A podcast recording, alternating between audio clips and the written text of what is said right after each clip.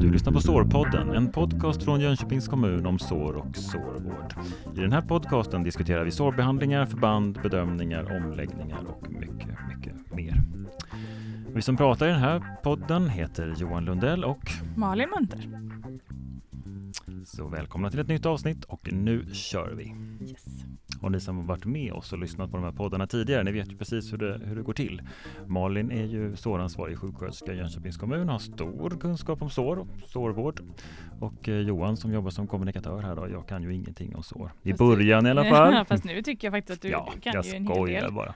Jag är med som, eh, som ett eh, vad heter det, sidekick och ställer frågor. Så att Mm. alla ska vara med. Förra veckan pratade vi om, eller förra gången, förra avsnittet, pratade vi om smärta och smärtlindring. Mhm. Kan du bara kort summera? Alltså vi pratade ju om otroligt mycket saker som har med smärta att göra, högt och lågt. Så att, eh, lyssna på avsnittet Precis. eh, råder jag väl till för att man ska få en liten inblick i det hela. För vi ska ju fortsätta den här resan idag. Mm. Vi har med oss vår gäst igen. nämligen. Ja, välkommen igen Helene. Tack så mycket. Helene Rygert, distriktssköterska med eh, mycket kunskap om smärta och smärtlindring, är med oss. Mm. Så Ehm, trevligt att ha det här. Ja. Ja. Men Malin, du har ju filat på någon fråga till Helene här sen sist. Kan du inte ta den på en gång? Har jag filat på en fråga? Ja. Okej. Kopplat till smärta och smärtlindring. Jag vet ju att du har en... en ett, nu säger Malin att vi ska sluta. Nej, jag ska Men inte jag- jag- pressa jag henne. tror- Vi kör på direkt, eller hur? Jag, jag tror att jag kan fånga den då. Mm, gör det. Eh, och vi, det, det handlar ju lite grann om att fortsätta där vi slutade sist Ja. Och fördjupa oss och då behöver vi prata lite grann om olika typer av smärta. Det låter som en Eh, himla bra. och- Det var ju vi- din fråga. Ja, det var det som du tänkte Johan. Jag var helt Ja, borta nej, där. sorry, Och men vi kör sen- på. Ja. Och sen eh, så småningom landa just i sår. Det är bra. Det låter fint va? Mm. I och med att detta är sårpodden så är Ja, jag, jag tänkte det. Så då kör vi på det. Mm. Ehm, och lite generellt sådär när det gäller sår, eller när det gäller smärta så brukar man prata om att det finns en nociceptiv smärta. Det låter jättekonstigt. Ja, det, alltså det är inte så konstigt. Det är ju typ en smärta som har med sår att göra. Mm. Eh, men även om man har en smärta i inre organ till exempel. Alltså i mjukdelar och skelett kan man säga. Den är generellt så, så tar den hela den delen. Okej. Vad heter den nu då? Nociceptiv smärta. Nociceptiv. Ja. Smärtdelar och, nej, mjukdelar och skelettdelar. ja, så kan man säga. Nå, någon skada, trauma eh, och inre organ som då är påverkade. Mm. Sen har man en neuropatisk smärta och då är det ju när man har en mer en, en nervsmärta. Mm. Alltså när nerver eh, är påverkade som skickar upp eh, eh, smärtsignaler som kan bli mer och mer intensiva kan man säga. Eh, Upplever man de här på olika sätt? Ja. Känns de på olika sätt? det kan man väl säga. En nociceptiv smärta kan man ofta beskriva som mer molande karaktär och kanske intermittent, det vill säga komma och gå smärta. Eh, en nervsmärta, om man ska berätta det så att man utan att ha så mycket kunskap om det här känner igen det, det är ju till exempel om man får en sån här enkelstöt. Alltså en, eh, Jag går in i en bordskant igen. ja typ, man slår i armbågen och Mm. det kan göra ut, ont ut i fingrarna. Om det är någon som eh, har vistats lite ute på landet och tar en eltråd till exempel så eh, känns det kanske inte direkt i handen om man håller om eltråden utan det kan kännas i armbågen upp i axeln. Det är ju en form av nervsmärta. Och har man en, skada eller ett sår eh, så kan de här nerverna som skickar de här signalerna intensifieras och bli mer besvärande. Okej. Eh, och ehm, det kan, det är lite olika, det är mer huggande och ehm, ilande, brännande beskriver oftast patienten det som. Men jag tänker när du i ditt yrke, har du behövt liksom uppleva alla de här smärtorna? Eller har du läst på? Eller hur? Eh, ja, nej jag kan väl inte säga att jag har upplevt alla de smärtorna som de patienter jag möter har men eh, jag har ju, jag läst i Lund bland annat för en kille som heter Mats Werner som är en väldigt duktig smärtdoktor.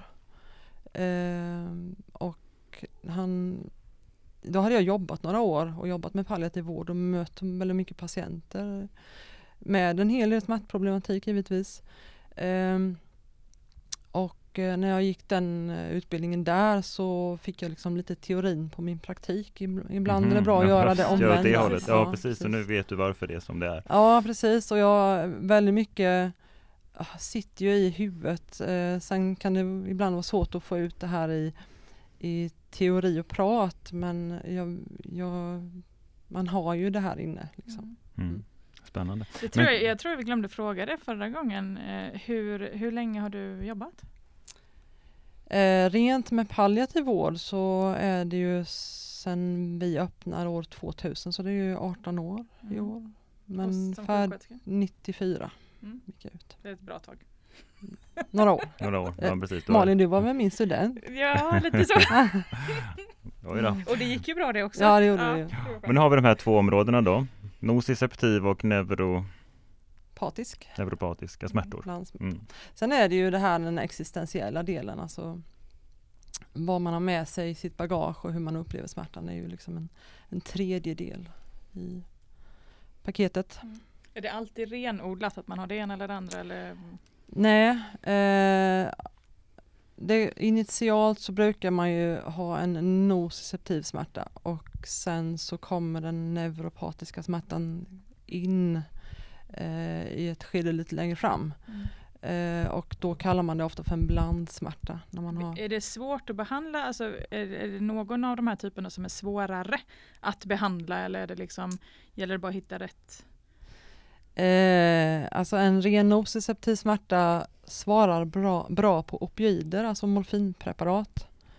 Eh, har man, eh, men vi kommer ju komma in lite mer på sår. Mm. Om man har en arteriell eh, svikt i sitt ben och har ett sår. Mm. Den typen av smärta är lite svårare att komma åt. Mm. Och likaså om man har en nervsmärta. Så det finns bra behandling mot nervsmärta idag. Mm. Eh, men eh, ja, ibland kan det vara svårt att nå ända fram. Men, Mm. men väldigt många blir hjälpta. Biverkningar så på de här preparaten? Eh, ja, menar du på opioiderna eller på, På de andra? på de andra? ja, det är klart att det finns. Eh, jag kan väl jämföra, vi, när det gäller nervsmärta så använder vi eh, läkemedel som man kan ha mot epilepsi till exempel. Okej. Men vi använder dem i mycket lägre doser så att det, de brukar vara ganska snälla eh, och gå just mer på den här smärtan man har, alltså nervsmärtan. Eh, det man ibland gör fel är att man inte är så van att hantera dem utifrån en smärthänseende och sätter in lite för höga doser på kanske svårt sjuka, sköra, äldre patienter. Mm. Och då kan det väl bli så att man upplever att man inte tål dem. Ja, just det. Mm. Men nu har vi pratat om rätt så alltså, tycker jag, starka läkemedel. Men hur funkar det typ med paracetamol? Eh, det kan ha, absolut ha sin plats eh, i smärtlindringen och jag tror lite att det har väl med vilken historik man har. Tycker man att eh, man är van att ta, ta paracetamol när man har ont så, så har man ju ett förtroende för den tabletten och det kan Annars, vara bra. det känns annars som att paracetamol har fått ta rätt mycket skit sista åren. Eh, jo men det har ju det men samtidigt så eh, det har ju sin plats i smärtlindring. Sen är det väl så att det är ett läkemedel som man inte riktigt fullt ut vet mekanismerna om. Eh, man har trott att det bara är att det hjälper perifert, alltså ut i vävnaden men man har ju sett att det även har en central mekanism i sin smärtlindring. Eh, och där har man väl inte riktigt full koll Mm. tror jag. Så det är man lite rädd för kanske då. Ja, man, man, måste, man får ju passa sig för paracetamol att man håller sig inom rimliga doser. Mm. Eh, Att man har en välfungerande lever till exempel Mm. som kan eliminera Mm. det som inte ska vara kvar. Så om man gör så som man ska göra så... Man, man följer den ordinationen som man ska ha, absolut. Ja, ska vi fortsätta då och, och spåna in lite? Finns det något eh, mer här efter det här nociceptiv och neuropatisk? Eh, ja, alltså den, inom den nociceptiva kan man dela upp i olika delar men jag tänker att vi, vi närmar oss den delen som tillhör den inflammatoriska smärtan. Mm. Och när man får en, ett sår eh, så blir det ju som en inflammation Mm. runt skadan. Det är samma sak om du stukar foten, det blir ju egentligen också en form av inflammation. Eh, det blir en process i kroppen som, som startar upp för att egentligen försöka skapa en läkning. Eh, och det kanske blir det kanske är en blödning och, och man har massa olika prostaglandiner, substans P och väldigt många andra. Du är är helt det- med på tåget Johan! Ja, det är, så, Så- det är så härligt när ni pratar med, med, med varandra tycker jag. För att eh, det blir sån härlig detaljnivå. Ja. Vä- väldigt Så- många Kör på. Mycket ja, som händer. jättebra. Mycket som Mycket som händer, händer som, vi, som vi Mm. inte kanske ska fördjupa oss Nej. i så mycket men att man ska förstå att det är väldigt mycket som händer i sånt här område. Något som jag tycker är fantastiskt är att det är just så otroligt mycket som händer. Man fattar inte alltså, hur komplicerat saker och ting är. Nej. Att våran kropp bara funkar är helt fantastiskt. Det är ju det som är lite tjusningen med kunskap, att, att ju mer man fördjupar sig i någonting, ju mer känner man att man inte kan. Mm. För att det är så mycket Ja. inom smärta det till är helt exempel. galet mycket. Mm. Ja, det blir en inflammation och det händer saker i kroppen. Ja, precis. Och eh, det startar ju upp då eh, processer som gör att man, i, när det gäller fallet sår då, att kroppen försöker läka och lindra skadan. Eh, men sen har man ju kanske vissa begränsningar som gör att det inte riktigt går då. Mm. Och det kan ju ha till exempel med att göra om man har en, en försämrad perifer cirkulation Ja. som är mer Malins Ja, område då. Precis. Nej, vi har ju patienter som har en nedsatt arteriell cirkulation. Nu har vi ju inte kommit in på, på mm, såren på benen än, men vi, vi ska ju göra det sedan och då kommer vi fördjupa oss i detta jättemycket. Så att vi, vi nuddar bara lite vid ämnet, men man får ju syrebrist i vävnaden. Blodet kommer inte fram dit det ska, kan man säga då. Väldigt kortfattat. Och varför gör det ont? Ja, syrebrist är ju inte så bra för, för någon del av kroppen Nej. och ej så heller för ett, ett sår på benet till exempel. Eller tårna. Nej. Ja, då har vi liksom spånat lite i detta. Ehm, är det något mer som du vill tillägga där Helene? Eh, jag kan bara, just den här neuropatiska smärtan, alltså har man ett sår så kan det utveckla sig till en nervsmärta med tiden, Mm. att eh, nerverna kring det här såret blir retade. Eh, och när, när jag gick den här kursen i Lund så fick vi göra ett test. Eh, och då... Är det ett test som vi kan göra på Johan? Eh, jag, smärt, jag, Smärttest på Johan brukar vara jag, populärt. jag saknar en manik för det. Men. Mm. Vi har en men- gäng har vi, går det vi bra? Kan, vi, kan, vi kan ta det i teorin. Mm. Eh, då fick vi testa att vi fick hålla i en liten, eh, liten apparat och så fick vi trycka in en knapp med tummen. Ehm, när vi tryckte in den knappen så, så gick det in en liten eh, stöt, eh, elstöt i, eh, ja man, man kände den först i tummen. Mm. Eh, och så skulle vi ta tiden då, hur länge kan man hålla? Och det är klart, som tävlingsmänniska man, som man är så vill man ju naturligtvis hålla längst av alla, som, av de som gick den här kursen då. Eh, så jag höll in och jag vet jag höll väl 20-25 sekunder kanske. Men det var för det, var, det konstiga var att det gjorde ont i tummen först Mm. men när jag till slut släppte efter 20-25 sekunder så Mm. gjorde det ont i axeln. Okej. Eh, och det var en sån impulssmärta som först kom lite lugnt Mm. eh, och sen så ökade den i intensitet. Okej. Eh, vilket gjorde att det gjorde ju ondare och ondare. Men visst, jag kände väl att det var ju uthärdigt. Så jag tänkte Men eh, du vann tävlingen. att Ja, jag, jag, nej. Du fick godkänt på kursen i alla fall. Ja, men det var ju mer en upplevelse av Ja. egentligen en nervsmärta. För sen när jag skulle testa igen och hålla den här vinnartiden då, då började det inte i tummen utan det började i axeln. Jaha. Eh, så jag, jag förlorade ju den tävlingen. och där, där hamnar vi i att det finns även ett smärtminne. Mm. Att ett obehag eh, minns man och ehm, Om du hade bytt eh, finger då, hade det varit bättre? jag vet inte det. Nej, ja. Man hade väl kanske inte haft samma smärtminne men jag tror ju att smärtan hade accelererat lika, Mm. kanske lite fortare. Mm. Menar du nu då att kroppen kommer ihåg smärtan eller att du kommer ihåg smärtan? Det är nog en kombination. Okej. Mm. Mm. Man, man hade ju även retat den här nerven. Ja. Ehm, Och då blir den mer känslig? och då blir man mer känslig. Och det, kan man, det, det pratar man om i, i litteraturen, att man pratar om något som heter wind up. Mm. Eh, och då är det ju då en retad nerv skickar signaler upp till eh, hjärnan och då, den tar ju vägen via ryggmärgen. Mm. Så har man en skada så skickas det upp retningar. Eh, men eh, först går den på en liten stig kan man säga.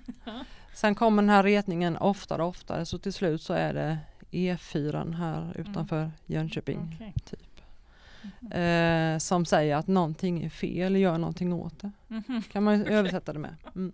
Mm. Så det är en wind-up effekt. Men det är samma mängd på smärta egentligen? Eller vad man säger? Ja, du kan ha, du kan ha samma, samma typ av smärta som gör ondare och ondare. Mm. Eh, och då kan man fördjupa sig ännu mer i detta. Och då pratar man om någonting som heter Gate Control Theory. Portgrinteorin? Ja, precis. Och då finns det, man kan, man kan enkelt översätta det med att man har någon slags portvakt där i ryggmärgen som, som försöker liksom bromsa den här eh, smärteffekten, den här upplevelsen. Och då finns det vissa läkemedel som eh, jag inte tror vi ska fördjupa oss för mycket i det, men som kan bromsa den här eh, E4 och få ner den kanske till en landsväg så småningom då. Men finns det något, någon läkemedelsgrupp som du skulle kunna säga som? eh, Eh, ja, dels är det ju de här eh, eh, läkemedlen mot nervsmärta. Mm. Och sen något läkemedel som har kommit de sista åren som vi använder mer och mer när det gäller mer den cancerrelaterade smärtan, det är metadon. Mm. Eh, sen har vi ju samarbetat lite Ja, kring sår, du och Ja, jag Malin. precis. Eh, och det är så himla bra. och tillsammans med kollegor. Eh, och problemet har ju varit när man har en sårsmärta att morfinpreparat, alltså opioider, inte är så bra på att lindra den typen av smärta. Eh, ofta blir det så att man, eh, man kanske ger en morfintablett eller kanske till och med två innan omläggning. Eh, om man nu har en omläggning som gör ont, det är ju inte alla omläggningar som gör. Ibland så gör det ju mest ont när vi ska rengöra. Ja, det precis. Mm, och då så ger man kanske något morfinpreparat eh, som gör att patienten blir till viss del smärtlindrad. Eh, nackdelen med morfinpreparat är att det sitter i kanske 3, 4, 5, 6 timmar. Så orkar de inte äta lunch. Nej, då sover de eh, kanske en stor del av dagen efter den här smärtlindringen. Ehm, och det, är- det är Det är inte inte så bra för något. Nej, det är Nej, det precis. Eh, och då har vi väl kanske lite eh, jobbat med ett annat preparat som eh, är en munlöslig fentanylsubstans. Mm. Alltså en tablett som löser sig i munnen och hjälper lika fort som att vi ger en in- injektion. Eh, skillnaden mo- mot en morfintablett eller, eller en morfininjektion är att den sitter i ganska kort tid. Den har en snabb effekt och den kanske går ut på två till fyra timmar. Hur hittar man rätt dos här då? Då finns det ett titreringsschema, det vill säga att man rekommenderar att man börjar med lägsta dos som är 100 mikrogram. Mm. Ehm, och så ger man en sån tablett och så väntar man en kvart, 20 minuter. Om man har otillräcklig effekt så ger man en likadan till. Mm. Eh, nästa gång så ger man dubbeldos direkt, alltså 200 mikrogram. Finns det någon max? Eh, ja, på Abstral, äh, på fentanyltabletten så gör det ju det. Jag råkade säga preparatet nu skulle vi låta bli. Men ehm, Det är okej. jag kommer inte precis ihåg den i huvudet nu. Nej. Men det här är ju, fentanyl låter ju som ett väldigt starkt preparat. Eh, I ja, mina öron. Det är ett väldigt potent preparat och det har ju varit lite bekymmer just i eh, att man har kommit åt framförallt de här eh, plåster som innehåller det som eh, man har missbrukat då. Mm. Och det är ju för att man har tagit lite fel på styrkorna, tror jag. Mm. Den lägsta dosen av ett sånt här plåster som är på 12 mikrogram eh, den motsvarar ungefär 2 till 4 morfintabletter. Mm. Eh, och det, det högst, eh, det starkaste plåstret som är på 100 motsvarar ungefär 32 morfintabletter. Oj, ja då är det ju... Alltså en Mm. näve. Så att det Mm. gäller ju att ha koll Mm. på det när man jobbar med smärtbehandling. Mm. Vi brukar, eller jag brukar göra så att om jag är hos en patient som har ett sår och har sårsmärta, vi ska försöka lägga om och rengöra så och det inte funkar med, eh, med det som jag är bra på. Så ber jag ju alltid den patientansvariga sjuksköterskan att höra av sig till eh, palliativa teamet för hjälp. Så att, eh, och då antar jag att det är den här som ni brukar prova. Nu har vi varit ute tillsammans några gånger också men eh, många gånger tycker jag ändå det funkar bra. Ja, och sen är det ju lite grann när man får titta på alltså bakomliggande orsaker. Det är ju det bästa man kan, Mm. kan komma åt. Mm. Men ibland går ju inte det. Eh, och när är det riktigt illa så behöver man ju överväga om man faktiskt ska amputera. Eh, för att inte man ska bli så sjuk av Mm. sin, sitt Mm, sår. mm, precis. Mm. Sen, nu har inte vi varit inne och pratat så mycket om det, men någonting som jag också kan uppleva eh, som kan fungera eh, när man ska lägga om ett sår eller, ja, och patienten har smärta, det är det här med distraktion. Att eh, tänka på något annat. Ja, alltså att man försöker mm. kanske avsätta en personal som kan faktiskt stå och, jag ska inte säga underhålla patienten, men faktiskt då, alltså försöka hitta vad, vad, vad eh, ska man säga, hitta patientens, personens eh, individuella, alltså vad tycker du om, vad, vad, vad brinner du för, vad, vad har du gjort, försöka hitta så man kan få bort tankarna lite grann. Vad säger du om det Helene? Det är ju jättebra om man kan göra det. Finns det Eh, något bevis för att det funkar? Om man har gjort en Eller är det bara på min det. upplevelse? Nej men det är väl, eh, har man lite erfarenhet så det kan ju vara likadant när det gäller provtagning eller någonting att man, att man avleder och, och försöker få personen att inte tänka på obehaget utan på någonting som är lite roligare. Mm. För jag kan uppleva också att patienten upplever det, alltså man får eh, Eh, ökad smärta om de sitter och tittar på när man rengör i såret. Man liksom exakt ser vad man gör. Det kan jag väl tänka ja, mig ja, också. Ja, och det, alltså, jag, skulle, jag skulle inte vilja titta på om någon rengjorde, om jag hade ett sår, eller jag, det kanske jag skulle vilja Ja, för att du är jag så är jag. nyfiken, du skulle Men- var du fel person. Ja, nu, nu, nu blev det jättekonstigt. Ja. Men, men alla vi andra. Alla, alla andra så. Eh, ja, nej men så, så det finns ju mycket som man kan göra där. Mm. Men eh, nu har vi varit inne på läkemedel lite grann. Men sen Mm. finns det ju saker och ting som inte, alltså som kan smärtlindra, eh, som inte är läkemedel.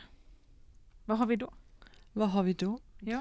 Eh, ja, bland annat kan man ju använda sig av TENS Mm. eller sätta Vad, plattor vad och elekt- TENS? Ja, alltså det är ju egentligen en, en man stimulerar med elektroder eh, som kan dels ge smärtlindring Mm. och dels främja sårläkning.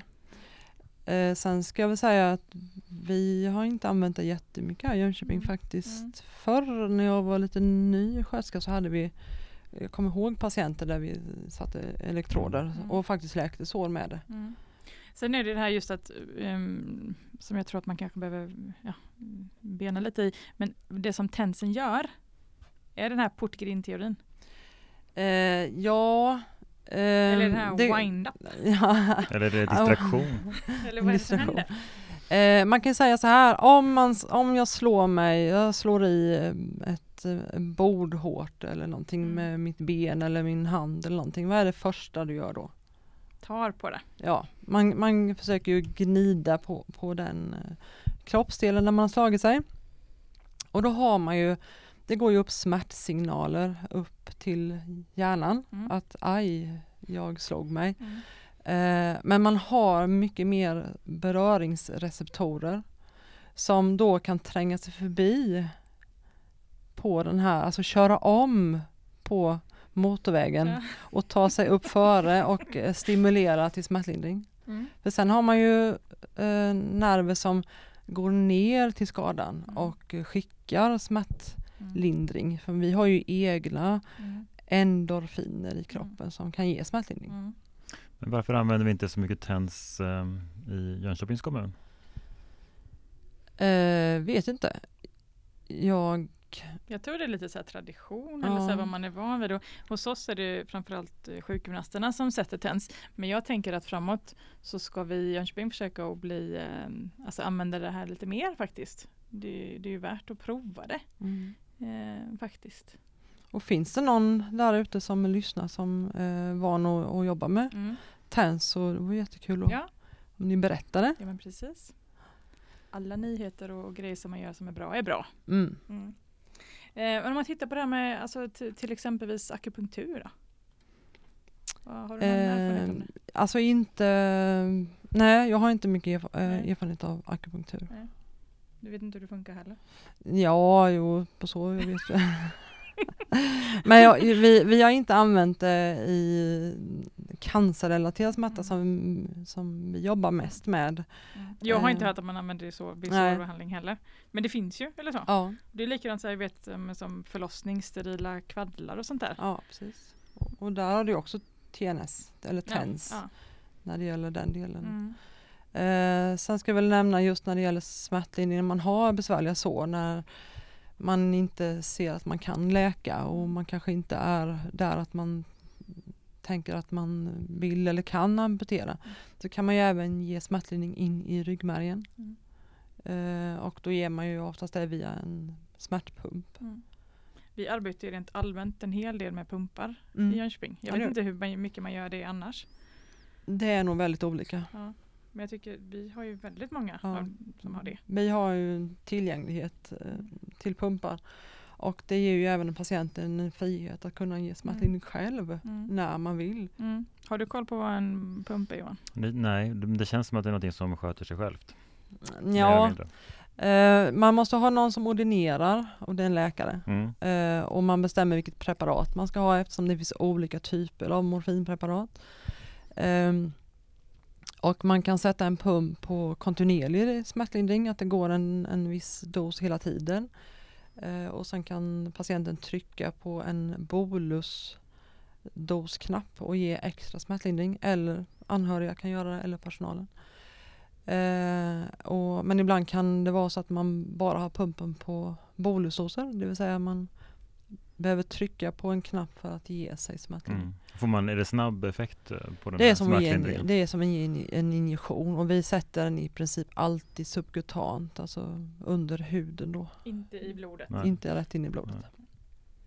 Eh, och det, och, men det är ju framförallt opioider vi sätter där och det har ju en viss smärtlindring när det gäller de här arteriella såren men kanske inte helt optimalt. Man kan ju nämna det just när det gäller sår och typ sådana skador så har, pratar man om att man har ett område precis där såret är, där man har ont. Eh, och då säger man att det, när det blir mer smärtkänsligt, att det blir liksom ökat, irriterat. Man pratar om en hyper, primär hyperalgesi. Eh, så även det som gör, kan göra ont på det här området gör väldigt ont. Alltså man får en ökad smärtkänslighet. Mm. Eh, sen så pratar man om att man, det finns en sekundär hyperalgesi. Alltså även området runt såret som inte är rött och svullet och så. Även där gör det ont. Och det har ju med den här infl- inflammationen och den här nervsmärtkomponenten som gör att det blir mer och mer känsligt. Liksom. Mm. Men om vi ska, vi ska backa bandet lite till de här just eh, arteriella eh, såren som oftast väldigt svåra att smärtlindra. Varför är det så? Alltså dels har man ju en, man har en syrebrist i den Mm. vävnaden. Eh, Man har alltså en dålig cirkulation eh, och cirkulationen behövs ju för att transportera dit eh, mekanismer för läkemedel men även att transportera bort och framförallt syret behövs. Mm. Ehm, och det, det, så det är inte bara läkemedel som man man skulle på något sätt vilja få dit syresatt blod men Ja. det går ju inte riktigt. Det är ju kärlkirurgen som får vara inkopplad där Ja. men det är inte alltid de kan göra någonting heller ju. Nej, ja, det beror ju på Ja. om patienten är så pass som man kan göra en eh, operation, en kirurgi. Mm. Mm. Eh, någonting som vi faktiskt inte har pratat så mycket om det är där hur, eh, om jag nu skulle ha smärta, rätt, för mig stark smärta, Mm. att jag, jag vasar sju. Mm. Hur påverkas eh, mitt eh, så här, puls, blodtryck? Ja, det stiger ju. Mm. Sen är det väl eh, det är ju lite skillnad om man får akut ont eller om man Mm. har en smärthistorik Mm. eh, och kanske lever med sin smärta så Mm. ser man ju kanske inte samma utfall på mätvärdena. Nej. Mm. Sagt, för, det, för det är ju det att det händer ju väldigt mycket i kroppen när vi faktiskt får ont som man eh, kan att säga, se och ta på. Eller så. Mm. Eh, som faktiskt är intressanta och relevanta i Ja. ämnet också. Mm. Mm. Ha, Helene, har du något mer så som du vill lägga till som vi inte har pratat om? Vi har ju pratat väldigt högt och lågt och vitt och brett här. För ja. att liksom knyta ihop säcken. Eh, nej, jag kan inte riktigt sådär komma på någonting. Men, men eh, det är ju, det man ska ha med sig det är ju att inte vänta för länge med att ta hjälp om man Mm. känner att man inte riktigt når fram Mm. symptommässigt. Mm. Eh, då slipper man lite de här akuta utryckningarna. Mm. Att man måste göra något en, en fredag och det är bråttom eller att man får skicka någon till sjukhuset för att det sviktar. Liksom. Mm. Och jag tror att alla kan hålla med om om man, om man har haft en eh, smärta någon gång oavsett om det är så här en eh, jobbig huvudvärk så det enda man önskar just då det är att inte ha ont. Mm. Alltså, Nej, och kanske uppmana att inte vänta för länge med Mm. att ta smärtlindring. mm, För att det är, är ju ofta så att en, ett, en smärta, ett obehag tenderar till att öka om man inte liksom motar mm, Olle i grind. mm. Så i, inte vara för, vänta för länge. Och, Man ska inte vara rädd för liksom. Och, Nej, alltså har man, eh, men det gäller att ha ordinationer för det Ja. man nyttjar då. Sen är det ju, det vi inte har pratat om som Mm. jag kommer på nu, det är ju att när det finns en inflammatorisk smärta så kan det ju vara bra att nyttja läkemedel som just går på inflammation. mm, Och det är ett samlingsnamn för det är ju NSAID-preparat, alltså Mm. antiinflammatoriska läkemedel. Mm. Eh, och det är ju typ de här eh, Ibumetin, Mm. eh, Voltaren, eh, typ sådana läkemedel. Eh, de kan ju faktiskt dämpa en inflammatorisk smärta. Eh, det kan inte riktigt så bra dämpa en, en arteriell smärta, man har syrebrist. Nej. Men bekymret med dem är ju att de är inte är så snälla när det gäller biverkningar. Nej. Har man en eh, hjärthistorik ska man vara lite försiktig. Har man dåliga, eh, lite försämrade njurfunktion så ska man vara försiktig. Har man en risk för eh, blödning om man kanske tar sådana preparat eh, då ska man också vara försiktig. Men vi behöver ha läkaren med oss på den här resan. Mm. Det är ju de som ordinerar helt enkelt. Så det är ju de som får göra en bedömning om det, om det är rimligt att man provar. Mm. Och vi använder det ibland men, men då kanske med lägsta möjliga dos. Mm. Att man kan få effekt av det. Mm. När det gäller framförallt våra patienter som mest har en cancerrelaterad smärta men de kan också ha en inflammatorisk smärta. Mm. Om man till exempel har metastaser i skelettet eller Mm. sådär. Mm. Men någonting som jag tycker är väldigt viktigt, vi, vi har nuddat vid lite grann, men det är att vi som sjuksköterskor har ju ett väldigt stort man säga, ansvar för att alltså, vara lite detektiver kring patientens smärta och sen även kunna förmedla den vidare till läkaren. Eh, för de kanske inte kan träffa patienten exakt så lång tid som vi har möjlighet att göra. Så att man vet när, var och hur, på vilket sätt och varför och var den sitter. Och, ja. Nej precis. Och, och sen är det ju att mäta och utvärdera. Mm. Att mäta smärtan. Hur ont har du nu på en skala? Mm. Ehm, och det har vi ju fått jobba med ganska mycket genom åren. Att varför ska vi mäta med siffror? Kan vi inte bara fråga? Mm. Men eh, eh, jag var på en föreläsning för många år sedan in, innan jag egentligen jobbade så mycket med palliativ vård. Eh, men den läkaren han sa så här att eh, om eh, jag frågade en sköterska då hur ont har patienten? Ja, hon, patienten har jätteont. Jaha, men då sätter vi in full dos Alvedon. Mm. Eh, och så kanske om det var en annan sköterska som kanske säger att ja, patienten har åtta i vas, oj då, då får vi gå in med opioider. Ja. Alltså, det är ju, en, eh, det är ju hur man värderar de här beskrivningarna av smärta. Mm. Därför är det lättare att ha en siffra, för där behöver inte jag kanske värdera så mycket. Mm.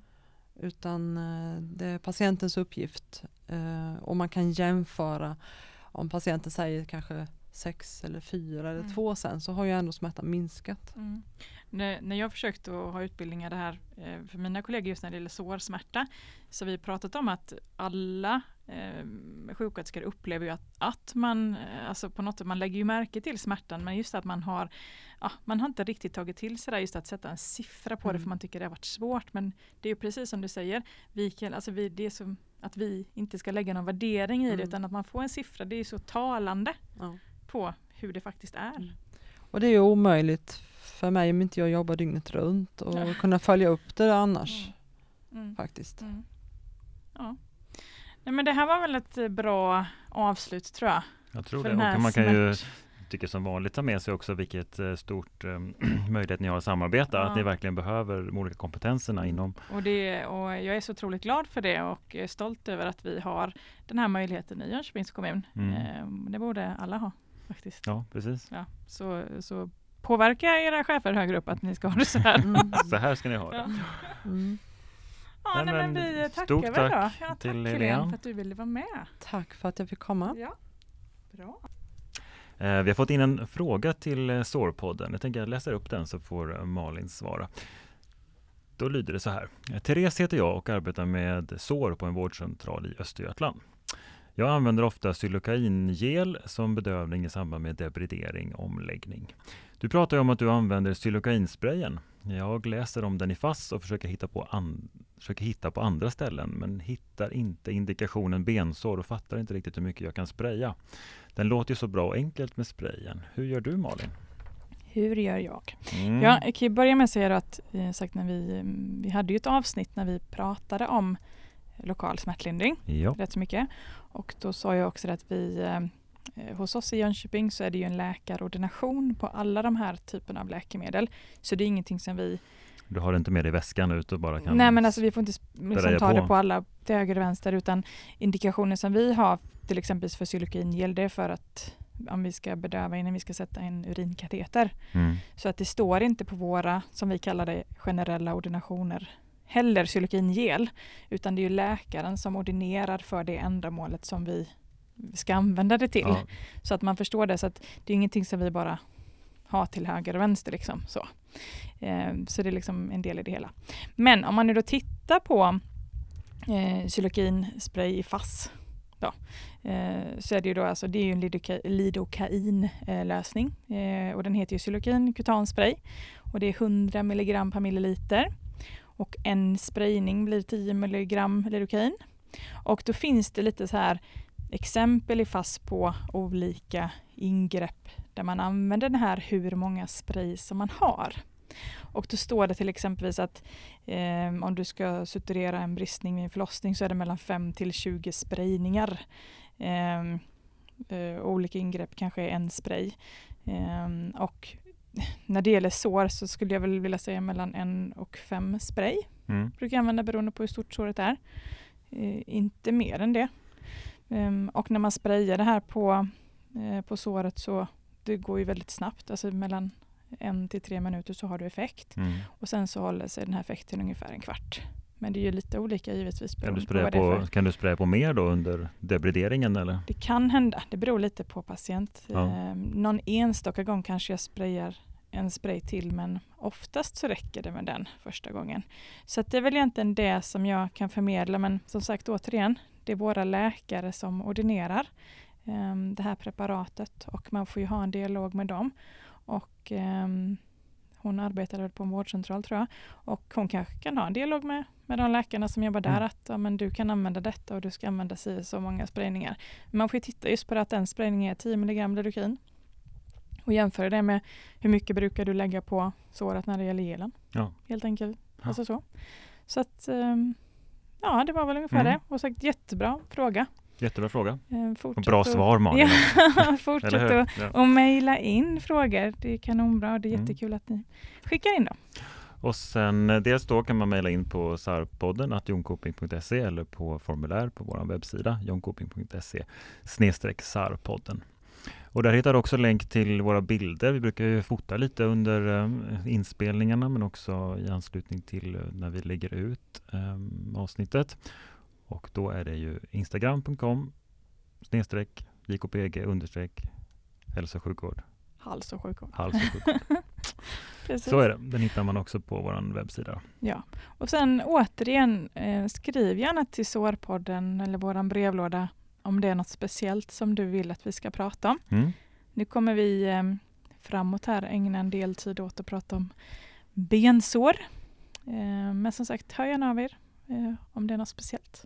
Ja. Ja, men då avslutar vi dagens podd på det här viset. Det gör vi. Mm. Ja. Säger vi så? Det gör vi. Tack och hej. Tack och hej.